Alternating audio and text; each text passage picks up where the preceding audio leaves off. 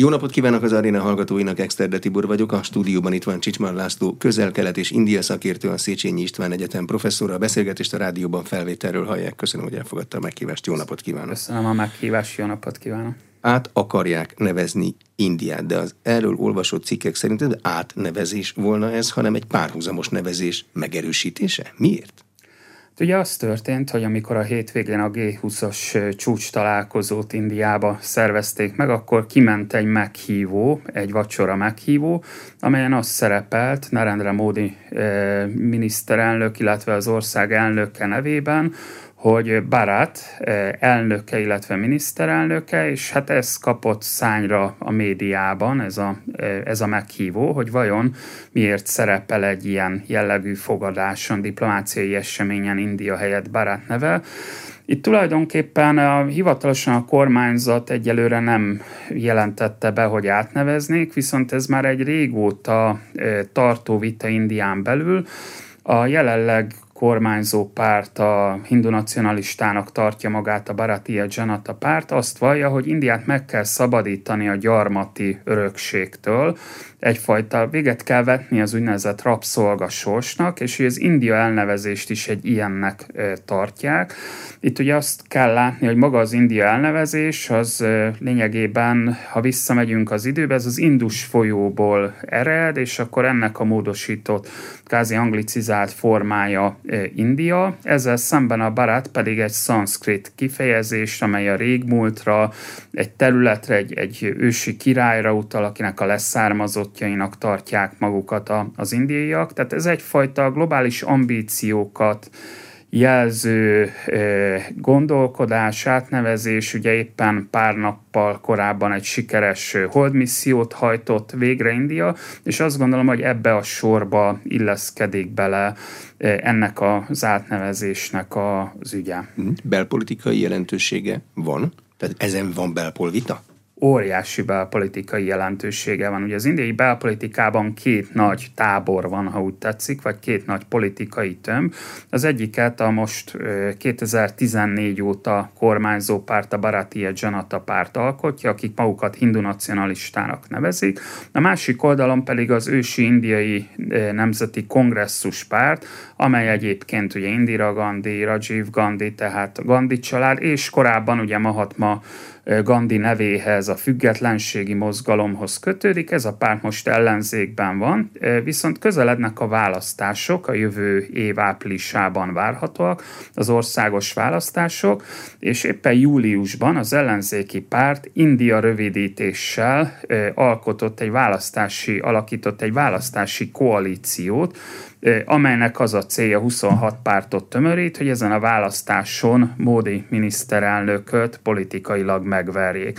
Tehát egy nagyon jelentős vita van, különösen, hogy ez a hindu nacionalista párt azzal vádolja a gandikat, ha, ha így mondhatom, hogy alapvetően propagálják, támogatják ezt a gyarmati örökséget. Tehát maga egyébként ez az átnevezés dolog, ez jóval korábban elindult Indiában, tehát ez nem új keletű, városokat neveztek át, ugye Bombayból lett Mumbai, Madrasból lett Chennai, mondván, hogy ezeket a nagyvárosoknak a neveit annó a gyarmatosítók adták, és hogy nevezzék vissza az eredeti nevekre. Ez a 90-es években megtörténik, és aztán hát most van egy újabb hullám, például az elmúlt hónapokban Delhiben utcákat neveztek át, és hát alapvetően a hindu nacionalista párt úgy gondolja, hogy, hogy az ország újra brendelése szempontjából ez a bizonyos barát elnevezés, ez kifejezetten jó lehet. Talán itt még arra érdemes utalni, hogy az 1950-ben elfogadott alkotmány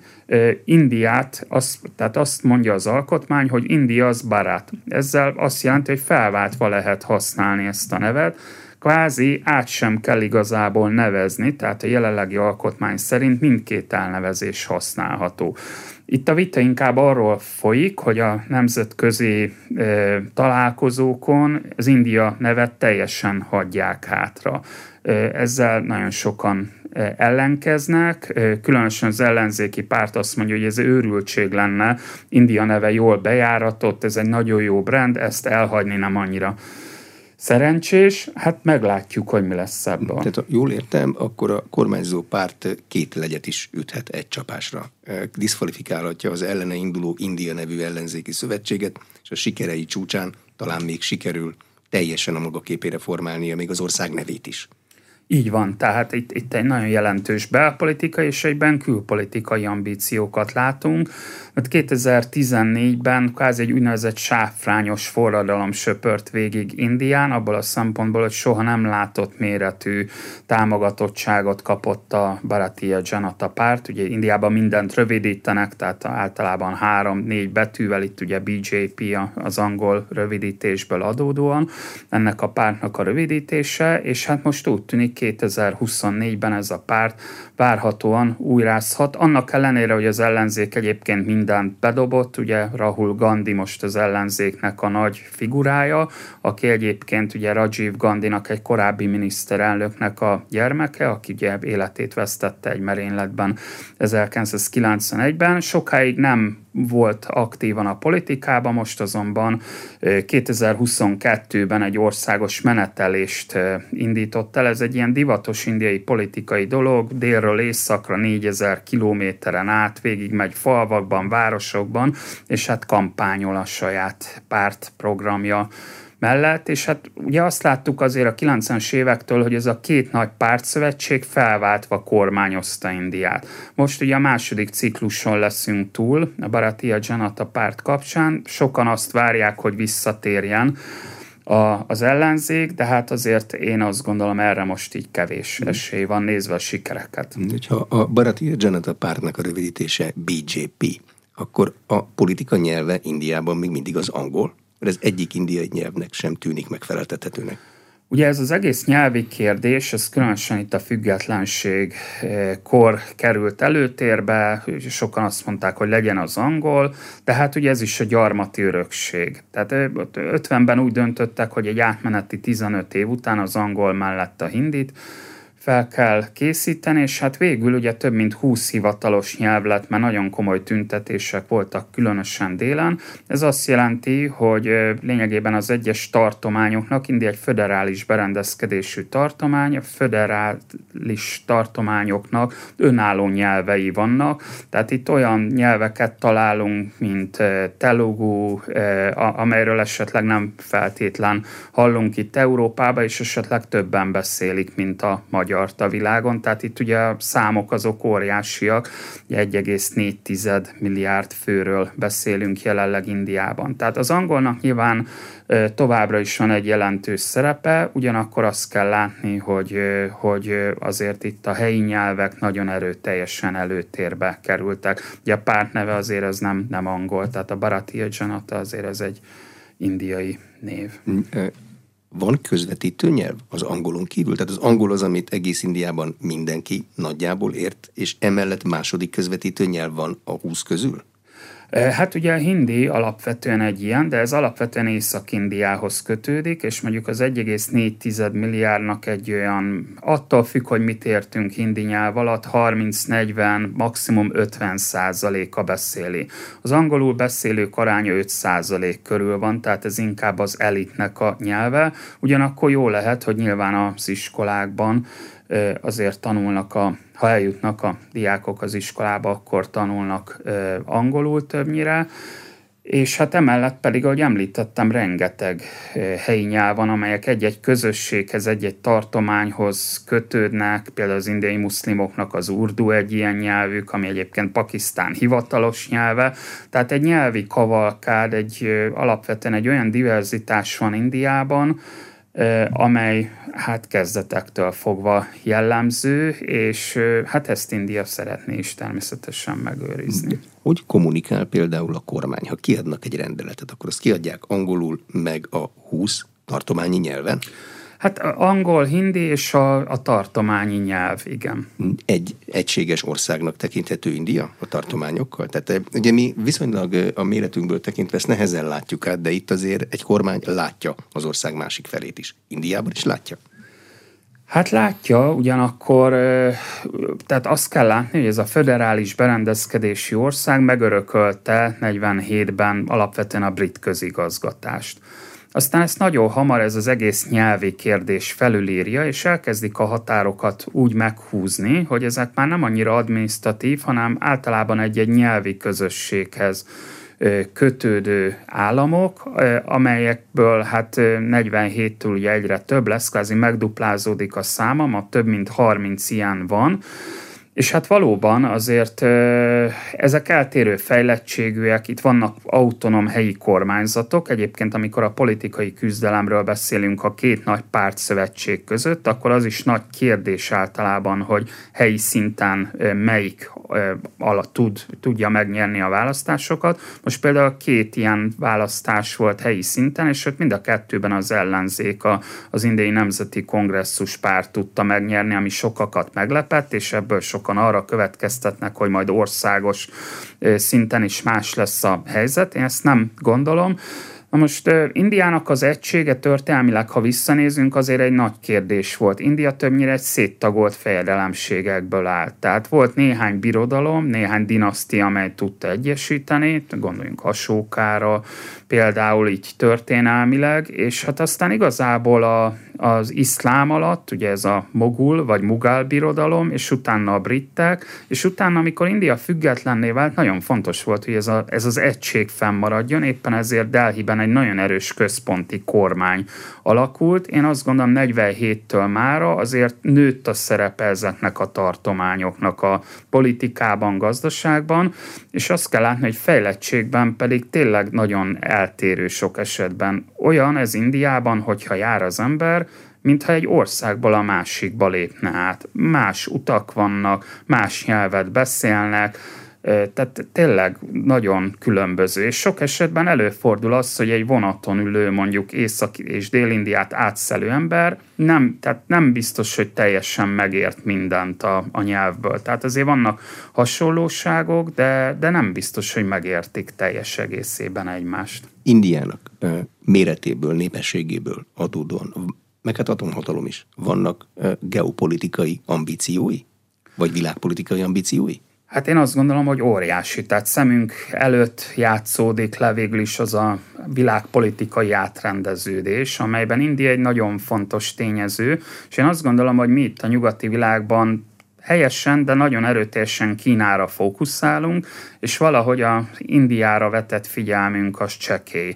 Az Egyesült Államoknak tulajdonképpen az az érdeke, hogy ebben a ugye Amerika által blokkosodásnak látott átalakuló világrendben Indiát maga mellé állítsa teljes egészében. Az Egyesült Államoknak nagyon nagy szüksége van Indiára, és ezért ugye most például, hogy csak említsek egy, egy új példát, a G20-as csúcs találkozón egy nagyon fontos projekt került bejelentésre, ez az Indiát a közel-kelettel és Európával összekötő közlekedési folyósónak a terve, amely nagyon erőteljesen rimmel a kínai övezetés út kezdeményezése, amely ugye hát tíz éves éppen, igaz kicsit későn, de emögött a projekt mögött az Egyesült Államok áll, nevezetesen, hogy Indiát minél erőteljesebben magához e, tudja kötni. Na most ez az India azonban azt kell látni, hogy hát a történelemben az el nem kötelezettségnek egy alapítója volt,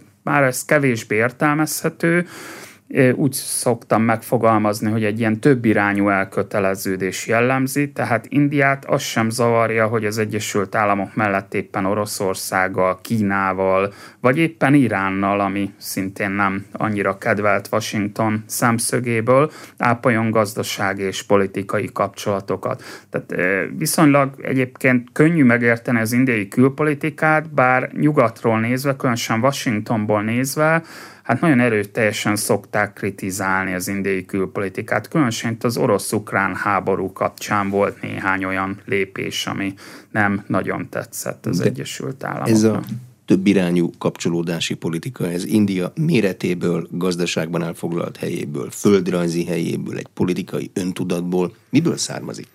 Általában az... mindenki szeret valahova tartozni. Én azt gondolom, hogy ez, ez egy mélyebb dolog, tehát hogy ez egy, ez egy filozófiai dolog is. Tehát maga az el nem kötelezettségnek a gondolata, az lényegében már az 1800-as évek politikai gondolkodásában Indiában jelen volt. Ugye viszonylag könnyen a hidegháború alatt tudjuk értelmezni az amerikai-szovjet szembenállásban, hogy nem tartozunk egyik tömbhöz sem. Én azt gondolom, hogy ez az 1800-as évekbeli filozófiai gondolkodás él tovább, és ezt India nagyon komolyan gondolja, tehát e, emellett egy másik ilyen fontos szempont a stratégiai autonómia, amit egyébként az Európai Unió is mostanában e, hangoztat erőteljesen. Tehát e, nagyon fontos, hogy olyan katonai képességeket alakítson ki, amely az indiai csendes óceáni térségben, különösen az indiai óceán területén India egy meghatározó állammá váljon. De erre figyelt fel az Egyesült Államok, és nyilván Kína ellensúlyozása véget látván, hogy azért India és Kína között vannak határvillongások, nézeteltérések, alapvetően erre próbált eh, az Egyesült Államok felülni erre a, a vonatra amely azonban csak részben működik. Hát például Oroszország és India közötti kereskedelmi forgalom a háború kirobbanását követően jelentősen megnövekedett, nem hogy csökkent volna. Ugye az orosz olajat India az egyik felvásárlója, mert indiai gazdaságnak szüksége van erre, és megveszi. Tehát, hogy nem csatlakozik a nyugati szankciókhoz, amelyet Washington kért. Hogy kell értelmezni az indiai-kínai konfliktusokat? Ide néha olyan képek jönnek el, hogy a Himalában, Himalájában indiai meg kínai katonák botokkal gyepálják egymást, de lőfegyvert nem használnak. Ez most mennyire komoly? Hát ugye ambivalensek ezek a kapcsolatok, azt mondanám, tehát ö, nyilván itt azért a indiai szempontjából egy nagyon fontos történelmi esemény a 62-es indiai-kínai háború, ami pont egy ilyen határvillongásból alakult háborúvá, az 59-ben volt egy határvillongás, ebből lett egy háború, ez India történelmi emlékezete szempontjából egy, egy nagyon negatív esemény, mert India addig alapvetően kevésbé fegyverkezett, alapvetően a, a bevételeket inkább a szegénység felszámolására próbálták fordítani, és hát azt látjuk, hogy ezután a háború után, hát ha nem is ellenséges, de negatív volt a viszony, mert a 90-es években látunk egyfajta normalizációt, akkor egyébként sokan mondták, ha India és Kína összeadja szoftver, hardvert, akkor rögtön Ázsia és a világ vezető hatalmaivá válnak. Most azt látjuk, hogy különösen az elmúlt 10-15 esztendőben India úgy érzi, hogy Kína bekerítette. Tehát van egy ilyen körbekerítettségérzést. Jön, jön ez az övezetés út kezdeményezés, és ez gyakorlatilag India szomszédjainál mindenhol ott van. Bangladesben, ott van Pakisztánban, tehát Pakisztán nem azért probléma Indiának, mert mert fegyveres konfliktus van, hanem azért, mert a kínaiak építik a mélytengeri kikötőtől, Gwadártól egészen a kínai határig az infrastruktúrát, ráadásul vitatott kasmiri területeken is. Emellett azonban azt is látni kell, hogy a gazdasági kapcsolatok emellett viszont virágoznak. Tehát ezért mondom, hogy ambivalens, azért Indiának kell külföldi működőtőke, kellenek a gazdasági kapcsolatok, és ebben növekedést látunk India és Kína között. Illetve azt is látjuk, hogy a BRICS-ben például ugye éppen az elmúlt hetekben jelentették be a bővítést, tehát együttműködés van. Tehát olyan szövetségekben van India, ahol Kínával és Oroszországgal is együttműködik, ilyen a BRICS például, vagy ilyen a Sánkai Együttműködés Szervezete, amelynek India és Pakisztán is, legutóbb pedig Irán lett teljes jogú tagja. Emellett ott vannak a határviták, amelyben azt hiszem az az újdonság a függetlenség óta, egy 3000 kilométeres határvonalról beszélünk, három szakaszból áll, ahol szinte mindegyik pontján vitatott. És az a Indiának az a vágya, hogy jönnek a kínaiak, és mindig elfoglalnak egy területet, mert ott épp utat szeretnének építeni, vagy valamilyen állomást létesítenek, és azt India azt mondja, hogy ez eddig is zajlott, de a módi kormányzata az, amelyik most fölvette a kesztyűt ezzel szemben, és ugye két komolyabb incidens is volt, az egyik az ugye a keleti területeken, tehát ott Bután, India, Kína határán, ez a Doklam fensík, a másik pedig a inkább nyugati területeken, Kasmír környékén a Gálván folyó incidens, valóban itt lelögdösték egymást, tehát egyik félnek sem érdekel, hogy háború legyen a két ország között. Azt gondolom, ami változik indiai szempontból, hogy felveszik a kesztyűt Kínával szemben. Az, hogy a BRICS-nek India meg Kína is tagja, ez előny, mert hogy nem fognak komolyabban háborúzni egymással, hiszen egy szövetségben vannak, vagy hátrány, mert amíg viták vannak, a szervezet se nagyon tud előre menni, mert nyilván nem ugyanazok az érdekek. Melyik? Hát ugye attól függ, honnan nézzük. Nyugatról nézzük, vagy nem nyugatról nézzük. Én azt gondolom, hogy ami most indiai szempontból, vagy ázsiai szempontból nézve, én azt gondolom, nem kérdés, hogy a két országnak együtt kell működni bizonyos fokon. Azzal, egyet, azzal együtt, hogy rivál, rivalizálnak számos kérdésbe, de hogy e, ezzel együtt gazdaságilag lényegében egymásra szorulnak, tehát például az a nézet, amit ugye Washington is val, ez a technológiai leválasztásnak a gondolata, hogy Kínát ugye elszigetelni technológiailag, India ezt nem engedheti meg magának. Tehát nagyon fontos volt például, hogy megjelentek kínai cégek a, az indiai piacon, telekommunikációban is például. Hát amikor éppen konfliktus van a két ország között, akkor lehet, hogy ezeket a cégeket éppen Indiában különféle jogi és egyéb eljárások alá vetik, de hogy összességében nem akadályozza meg a, a kapcsolatoknak az élénkülését. Tehát India szempontjából nem kérdés, hogy ebben részt kell venni, hiszen Indiának ugye abszolút azok az ambíciói, hogy jelenleg egy globális hatalom, amely alakítója ennek az átalakuló világrendnek.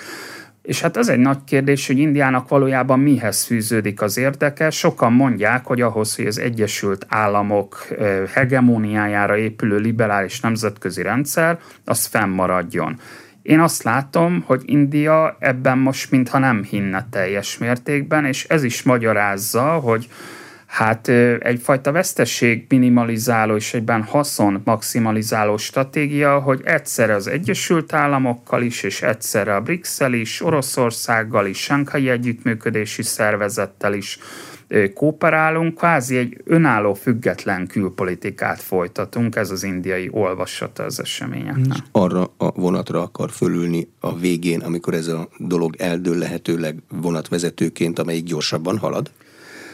Ha visszanézzük az indiai történelmet, nem, nem ült fel India semmilyen vonatra. Tehát, hogy ennek, az, ennek a függetlenségnek, önállóságnak a megőrzése, amelyben hát ezért van egy globalizáció, tehát India abban nem hisz, hogy, hogy tömbök alakulnak ki. Tehát, hogy egy kicsit más ebből a szempontból a, a, a percepciója ennek az átalakuló világrendnek. Tehát, hogy ez inkább egy ilyen nyugati dolog, hogy akkor ez, vagy nyugati gondolkodásból ered, hogy hú, hát előbb majd utóbb besorolódik valahova. Én azt gondolom, nem fog. Tehát azt látjuk, hogy az Egyesült Államokkal nagyon elmélyültek a kapcsolatok. Washington olyanokat engedett meg Indiának, amelyet egyetlen szövetségesének sem. Például itt gondoljunk magára a nukleáris programra, arban is egy megállapodás születik, ugye a Bush adminisztráció alatt pedig hát ugye hát Washington bírálja Irakot, Iránt, valamennyi államot, a, ha éppen nukleáris programról van szó, hát ehhez képest India nyíltan, ugye 98-ban végrehajtja a második kísérletét is, ez sem okoz problémát a kapcsolatok elmélyítésében. Az sem okoz problémát, hogy India ugye Iránban is kikötőt épít, ahol egyébként ugye Trumpnak a politikája a maximális nyomásnak az elmélete. Tehát én azt gondolom, hogy India nem fog semmilyen vonatra felülni, mert India nem hisz abban, hogy többféle vonat van, hanem nagyon ambiciózusan mennek előre. Hát ebben azért ugye nyilván vannak kétségek, például a gazdasági jellegű problémák, az mindenképpen megemlítendő. Mi adja ki India gazdaságának erejét? Hát azt látjuk egyébként, hogy India jelenleg a világ egyik leggyorsabban növekvő országa, ami azt jelenti, hogy átlagosan 6-7 százalékos a gazdasági növekedés, ami már meghaladja a kínai gazdasági növekedést várhatóan az elkövetkezendő évtizedben. Nyilván a probléma az, hogy honnan indul ez a gazdasági átalakulás. Indiában a gazdasági reformok megkésetten indultak el a 90-es években, és hát amiben nagy előnye van Indiának, az a tudós társadalom, tehát van egy nagyon magasan képzett műszaki területen, különösen az információs technológia területén. Ez az egyik húzó ereje, tehát ez a indiai Silicon völgy alapvetően egy ilyen húzó ereje az indiai gazdaságnak, viszont azt kell látni Kínával szemben, hogy az indiai gazdaság az eléggé protekcionista. Tehát az az export vezérelt gazdaság, amelyre Kína és egyébként a kelet-ázsiai országok, Szingapur, Tajvan, Dél-Korea ráállt, az, az Indiában nagyon nehezen alakul, most már alakul egyre erőteljesebben, mert hogy van egy erőteljes protekcionizmus. Tehát én azt gondolom, ennek a mai gazdasági növekedést, ami adja, tehát ez az információs technológia, ami, amiben kétségtelen van egy export vezérelt rész, másrészt pedig a belső fogyasztás nagyon erőteljesen megugrott. Ez nem különbözik egyébként a kínai adatoktól, vagy a kínai történelemtől, tehát nevezetesen Indiában most a, bár tudjuk, látjuk, hogy az elmúlt hónapokban a világ legnépesebb államává vált, és lehagyta Kínát, 1,4 milliárd fővel, amit általában hátrányként szoktak említeni. Sokan vannak, egészségügyi ellátás, állásokat kell biztosítani, iskoláztatni kell. Indiában most mégis ez inkább pozitívan jelentkezik, egyfajta demográfiai osztalék van, ami azt jelenti, hogy nagyon alacsony az eltartottak aránya, az olyan 31 százalék körüli. Hát ha majd jön az előregedés, az majd évtizedek múlva jön az a probléma, amivel Japánnak, illetve most Kínának szembe kell nézni. Tehát ez most nagyon kedvező, hogy, hogy elindul a középosztálynak a kialakulása, bármit is értsünk ez alatt, mert ugye Indiában azért más számok vannak. India egyébként jelenleg az ötödik legnagyobb gazdasága világon, méreteinél fogva, és hát várhatóan az évtized végére, ezt Módi többször is hangoztatta a miniszterelnök, be fog lépni a harmadik helyre, és az Egyesült Államok és Kína után a harmadik legnagyobb gazdaság lesz, és 2075-re prognosztizálják, hogy a második legnagyobb lesz Kína után. Tehát méreteinél ugye óriási a növekedés. Na most, ha ezt a fejlettséget, az életszínvonalat nézzük mondjuk az egyfőre jutó GDP alapján, akkor viszont nem olyan jó a helyzet. India egy fejlődő ország a mai napig is.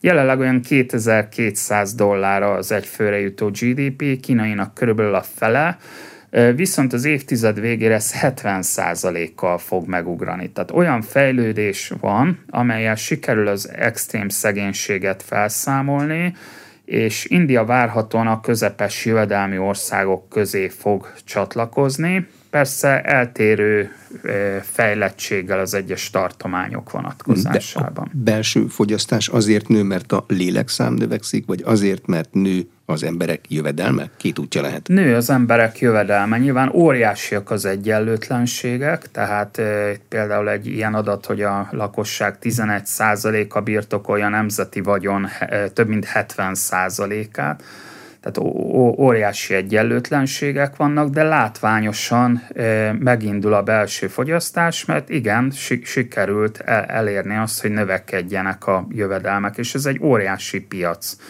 India minden szempontból. Tehát, hogy ebben láttunk egy pozitív átalakulást az elmúlt egy-két évtizedben, Pakisztánban is egyébként, és Bangladesben is. Kik az indiai főgazdasági partnerek? Kína? Kína, Európai Unió természetesen, bizonyos területen Oroszország, például ha azt mondom, hogy fegyverimport, akkor továbbra is a fegyverek 40%-át Oroszországból importálja. Tehát nyilván a, a régió, és hát alapvetően azért a gyarmati örökség révén az európai országok is rendkívül fontos. Ha nő az elkölthető jövedelem, ez oldja a társadalmi merevséget? Azt tanultuk Indiáról, hogy ott kasztrendszer van. Így van, ez egy, ez egy nagyon jó kérdés, ugye ez a Varna és kasztrendszer, ahogy Indiában nevezik, ez akárhogy is nézzük, ez 47 után is fennmaradt, e, tehát e, alapvetően 47 után, különösen itt még akkor Mahatma Gandinak volt egy olyan ötlete, hogy hát minél jobban integrálni kéne az alacsonyabb kasztokat, és egy úgynevezett kótarendszert vezettek be nekik. Azt gondolták, hogy ez majd megoldja a problémákat. Nevezetesen mondjuk az egyetemi felvételénél, ha valaki egy alacsonyabb kaszból jött, kevesebb pontot kellett elérnie, hogy bejusson az egyetemre, vagy munkahelyeknél kedvezményeket adtak Azt lehet mondani, hogy ez nem oldotta meg ezeket a problémákat, viszont egy nagyon komoly politikai vitát generált, ugyanis a hindu nacionalisták azok, akik most felszámolják ezt a kvótarendszert, és azt mondják, hogy de hát ez diszkrimináció. Mert hogy a pozitív diszkrimináció is egyfajta diszkrimináció, és szép lassan számolják fel ezt a kvótarendszert. Én éppen akkor Delhi-ben voltam a Jawaharlal Nehru Egyetemen, amikor a diákok tüntettek, amikor a helyi kormányzat eltörölte az egyetemre való bejutáshoz szükséges kvótát, és hát ezek azért elég komoly tüntetések, tehát azt azért látni kell, hogy az indiai mindennapokban ez a politikai élet, ez meglehetősen erőszakos, még akkor is, ha van Indiáról egy olyan képünk Gandhi nyomán, hogy az erőszakmentesség, ezek azért elég komoly tüntetések, tehát ott bezárták a tanárokat, az, az elég, elég komoly viták alakultak ki. Tehát azt akarom mondani, hogy maga ez az egész varna és kasztrendszert, e, ezt nem, nem, ez, egy, ez egy vallási kérdés is, tehát ez nem olyan, amit fel lehet számolni e, egyik napra a másikra, és hát igazából a kormányzat ezt nem is tűzheti ki célként, hiszen még egyszer ennek egy vallási gyökere van alapvetően. Ebből adódóan, hát nyilván a globalizáció próbálja ezt e, kikezdeni, városiasodás, de egyébként itt kell elmondani azt az adatot, hogy azért India lakosságának kevesebb, mint 40% a városlakó. Tehát az urbanizáció majd az elkövetkezendő egy-két évtizedben fog nagyot ugrani, ez majd újabb problémákat fog generálni, tehát ugye a városok gyakorlatilag 10 milliós városokká váltak, és hát ezeknek a mindennapi működtetése egy nagyon komoly probléma. Pusztán szél szemetet elvigyék. Tehát ugye az elmegy az ember egy indiai városba, milyen utcakép fogadja, sokszor szemét van az utca közepén, a tehenek pedig közötte sétálnak és eszik a papírt vagy szemetet, amit találnak, tehát eközben pedig azt látjuk mondjuk Bangalore-ban, ami az indiai szoftveriparnak az egyik központja, hogy, hogy a városon kívül betonfallal körülvett területen high-tech dolgok zajlanak. Ugye például ma már az iPhone 15-öt, amit ugye nem rég debutált, ugye ennek egy részét is már Indiába gyártják, tehát Kínából kezdi az Egyesült, vagy az Apple áthelyezni a a termelést Indiába, és hát 2025-re a teljes termelésnek már a 25%-át fogja az indiai termelés adni. Tehát India az ellentmondások világa ebből a szempontból.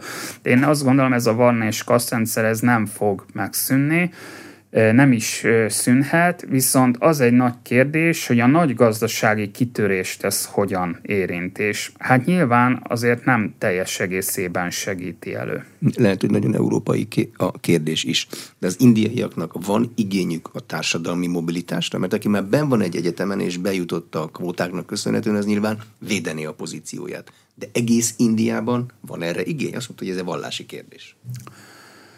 Hát a, a, arra, tehát most itt a, ha nyilván gazdaságilag nézzük ezt a mobilitást, akkor, akkor azt gondolom, hogy mindenképpen igen, hiszen ugye ezek a demonstrációs hatások terjednek. Látják, hogy a városokban milyen autók jelennek meg, kínai autók például, Kínai. vagy Indiában gyártott autók nagy számban, tehát hogy, hogy alakul át, és hogy nyilván igény alapvetően van rá, itt inkább az a kérdés, hogy a falvakat hogyan sikerül majd megreformálni. Tehát itt, itt azért hogy az indiai gazdaságnak a nagy kitörési potenciája nyilván az olcsó munkaerő, ami ugye kvázi korlátlanul áll rendelkezésre, viszont hát azért a falvak az problémát okoz. Ennek a modernizációja szerintem hosszú évtizedekig fog tartani. Tehát azt az utat, amit Kína bejárt viszonylag gyorsan, egy pártrendszer, egy meglehetősen felülről vezérelt gazdasági reform, ezt India nem tudja megtenni. Részben a társadalmi berendezkedés, részben pedig hát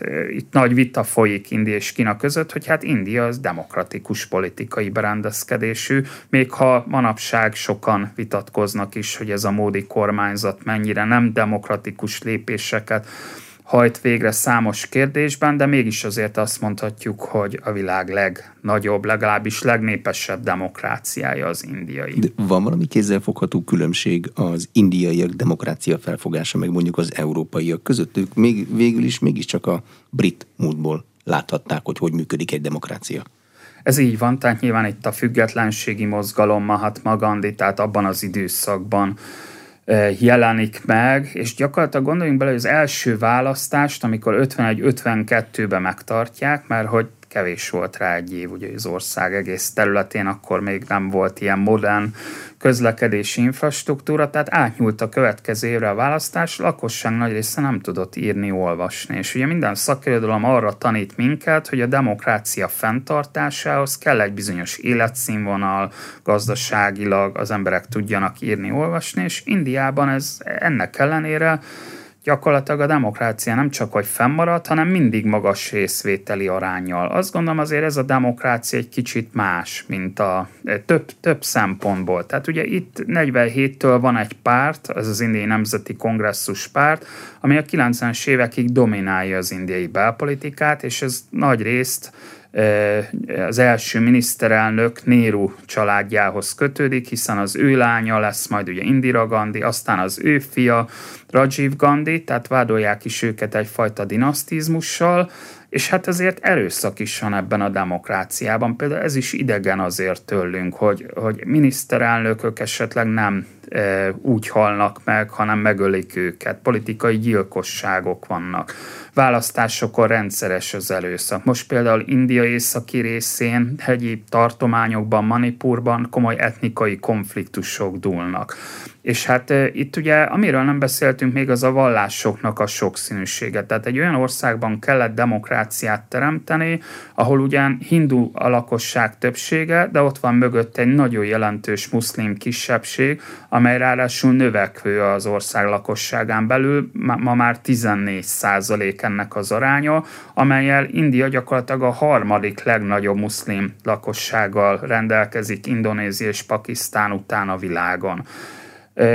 Ugye hivatalosan szekuláris India, azonban az, az indiai szekularizmus az valami nagyon más jelent, mint az európai. Tehát Európában ugye vallás politikát ketté választásáról szól, hát Indiában a vallásnak nagyon jelentős szerepe van a politikában. Indiában például nincs egységes jogrendszer. Ez azt jelenti, hogy egy, egy muszlim családnak, például a családjogi kérdései, házasság, vállás, az az iszlám előírásai szerint történik.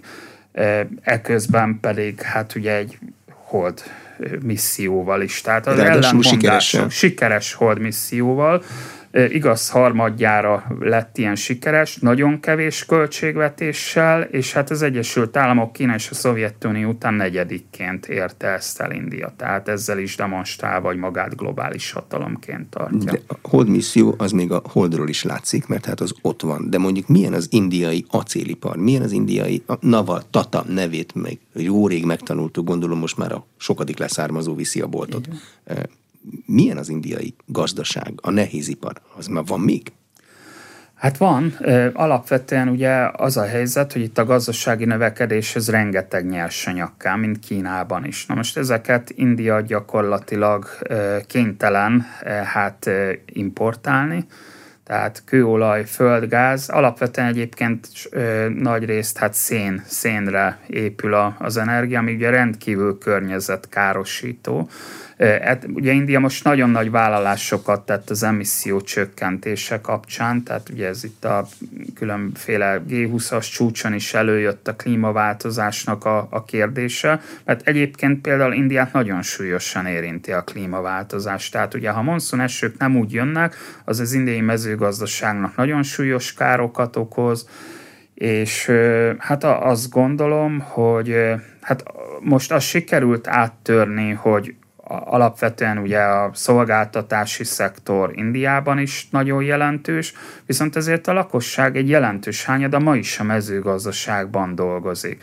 E, ebben hát jelentős előrelépések lesznek szerintem a következő e, évtizedekben, és hát nyilván ezek az emberek kiszolgáltatottak, lehetett hallani arról például talán tavaly, hogy többen öngyilkosságot is elkövettek, mert hogy a Hát fennmaradt egy gyarmati időkből egy ilyen, hát ilyen földesúri jellegű rendszer, amiben ugye a hiteleket kapnak a, a, a föld tulajdonosoktól, és gyakran ezeket nem tudják ezeket a hiteleket a mezőgazdasági munkások visszafizetni, mert hogyha éppen nem úgy esik a csapadék, akkor gyakorlatilag kvázi vége, és, és többen, többen öngyilkosságot követtek el Maharashtra államban, ami egyébként nem, nem az egyik legszegényebb mondjuk így Indián belül. Akkor ezek szerint nem nagy üzemi mezőgazdaság van, hanem ilyen földeket adnak bérbe nagy földtulajdonosok? De alapvetően ez, ez, ez a rendszer, ez fennmaradt, ennek a felszámolása egy nagy kérdés, ami a brit idő, úgynevezett zamindári birtokok így hívták abban az időben, és valóban ezek arra épülnek, hogy különféle mezőgazdaságból élők termelik ezeken a viszonylag kisebb földterületeken, és hát ez, ennek is hosszabb távú lesz a felszámolása, hiszen nyilván ugye az igazából a mezőgazdasági termelés hatékonyságához az kellene, hogy, hogy nagy földbirtokok és nagy üzemi méretekben tovább lépni. Milyen az indiai oktatás? Hogyha a szoftveriparokat nézzük, akkor azt kell mondanunk, hogy biztos, hogy kiváló. De hát ez egy nagy ország. Így van, ez egy nagy ország, és azt lehet mondani, hogy ezen a téren kiemelkedő, tehát a felsőoktatás bizonyos területei kiemelkedőek, inkább itt a probléma az az alső és középfokú oktatás. Hát egyrészt ennek a mennyisége, e, tehát ez ugyanaz a probléma az egészségügynél, tehát az, hogy 1,4 milliárd ember él Indiában, és nagyrészt fiatal, hát nekik ugye iskolát, állást és egészségügyi ellátást adni, ez gyakorlatilag komoly kapacitás problémákkal jár. A városokban is egyébként, tehát, hogy városokban is probléma ez, nem csak vidéken. Én azt gondolom, hogy India egy nagyon látványos fejlődést ért el 47-től kezdve, sikerült a, a szegénységet, ahogy említettem, felszámolni, ami statiszti, amely adatban minden benne van. Ez szerint most 10% fölött van egy picivel a szegénységi mutató, ami azt jelenti, hogy gyakorlatilag azt a helyzetet, ami 47-ben volt, ezt nagyrészt az elkövetkezendő években felszámolják. Tehát a fiatalok oktatáshoz jutnak, Nyilván a demográfiai adatokban is változások következnek be, tehát a termékenységi ráta is elindul, csökken, és hát ezek a, ez a fajta átmenet, amely egyébként Ázsia több országában is lezajlott, ezek vannak Indiában. Az elmúlt 10-15 évben nagyon komoly változások voltak, és hát nyilván egészségügy, tiszta ivóvíz, tehát vannak problémák, de azt gondolom, hogy, hogy ez egy látványos javulás figyelhető de meg. Az indiai szoftver mérnök az utána Indiában marad? Mert azzal a tudással bárhol lehet a világon. Hát egy része igen, más része nyilván nem. Még egy szintén érdekes adat, hogy a világ vállalat vezetői között egyre több indiait látunk. Tehát Amerikától kezdve bármerre megyünk, 500 vállalatvezetőből 25 indiai a jelenlegi adatok szerint, tehát azt jelenti, hogy 5 a indiai, ami egy óriási szám, azt gondolom. A világ minden táján ott vannak az indiaiak jelen pillanatban. Nyilván egy részük elmegy, legnagyobb közösségek az Egyesült Államokban élnek természetesen, illetve az emírségekben, tehát itt ugye a vendégmunkások egy egy jelentős hányada, és nagyon komoly hazautalásokkal segítik egyébként az indiai gazdaságnak a e, fennmaradását, vagy e, és azt gondolom, hogy hozzájárulnak ehhez. E, ez egy nagyon jelentős közösség. Mi a legnépszerűbb sport Indiában? Az ember azt gondolná Viswanathan Anand után, hogy biztos a sakk hosszú éveken keresztül mindenkit megvert, akivel szembe jött, de ott van mondjuk a kriket? A kriket, így van, így van. Tehát ott ugye focit kevésbé láthatjuk, alapvetően a kriket továbbra is az a meghatározó. Én éppen ott voltam Pakisztánban, amikor a két válogatott játszott egymással egy világkupa, talán elődöntőjében, Hát azt lehet mondani, hogy Indiában is kázi és Pakisztánban is munkaszüneti nap volt, bezártak az üzletek, hazamentek az emberek, és, és nézték a, a mérkőzést, ami végül India nyert egyébként, és Pakisztánban ott elismerően mondták, hogy na India még ebben is jobb. Tehát na- nagyon érdekes a két ország viszony is ebből a szempontból, és aztán hát vannak például lovaspóló a hegyekben, tehát sokféle. India sokféle, de a kriket abszolút ennek a régiónak a meghatározó sportja. De lehet valamihez hasonlítani európai szemmel? A foci, aminek a, a népszerűségéhez bármiben is hasonlítható? A krikettet Aha. európai szemmel? Hát nyilván ennek Vagy a, a tenisz, ott ugye egyéni sztárok is vannak, és a kriketben is látnak, látunk egyéni sztárokat. Hajjaj, hát ugye Pakisztán korábbi miniszterelnök egy egykori kriket sztár volt, tehát egy óriási népszerűségnek örvendenek a kriket sztárok, és a gyerekek is egyébként, ha az ember elmegy a városokba, vagy akkor lehet látni, hogy szünetbe ilyen kriketeznek, tehát abszolút ez ja, játszák a ezt a sportot. E, igen, tehát hogy nagy, nagyjából azt lehet mondani, minden napokat meghatározza ez a sport. A tehén, ami a város utcáin háborítatlanul sétál, ez vallási kérdés? Ez egy vallási kérdés, alapvetően ugye szent állatnak tartja a hinduizmus. Ez egyébként nagyon komoly vitákat is generál vallások között, hogy ki milyen húst fogyaszthat és nem fogyaszthat. Ugye itt különösen ez a az állatoknak, a, különösen ugye a muszlimok, akik marhahúst fogyasztanak, a hinduk nagyon erőteljesen bírálják ezt a hagyományt. Eközben ugye a disznóhús a muszlimoknál nem lett, tehát India ebből a szempontból egy sokszínű dolog.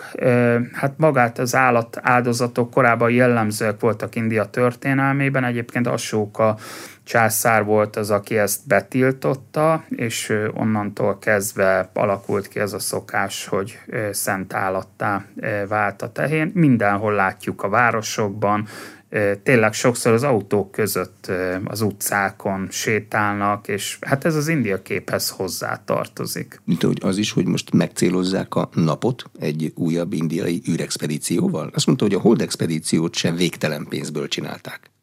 A nap hát, azért messzebb van.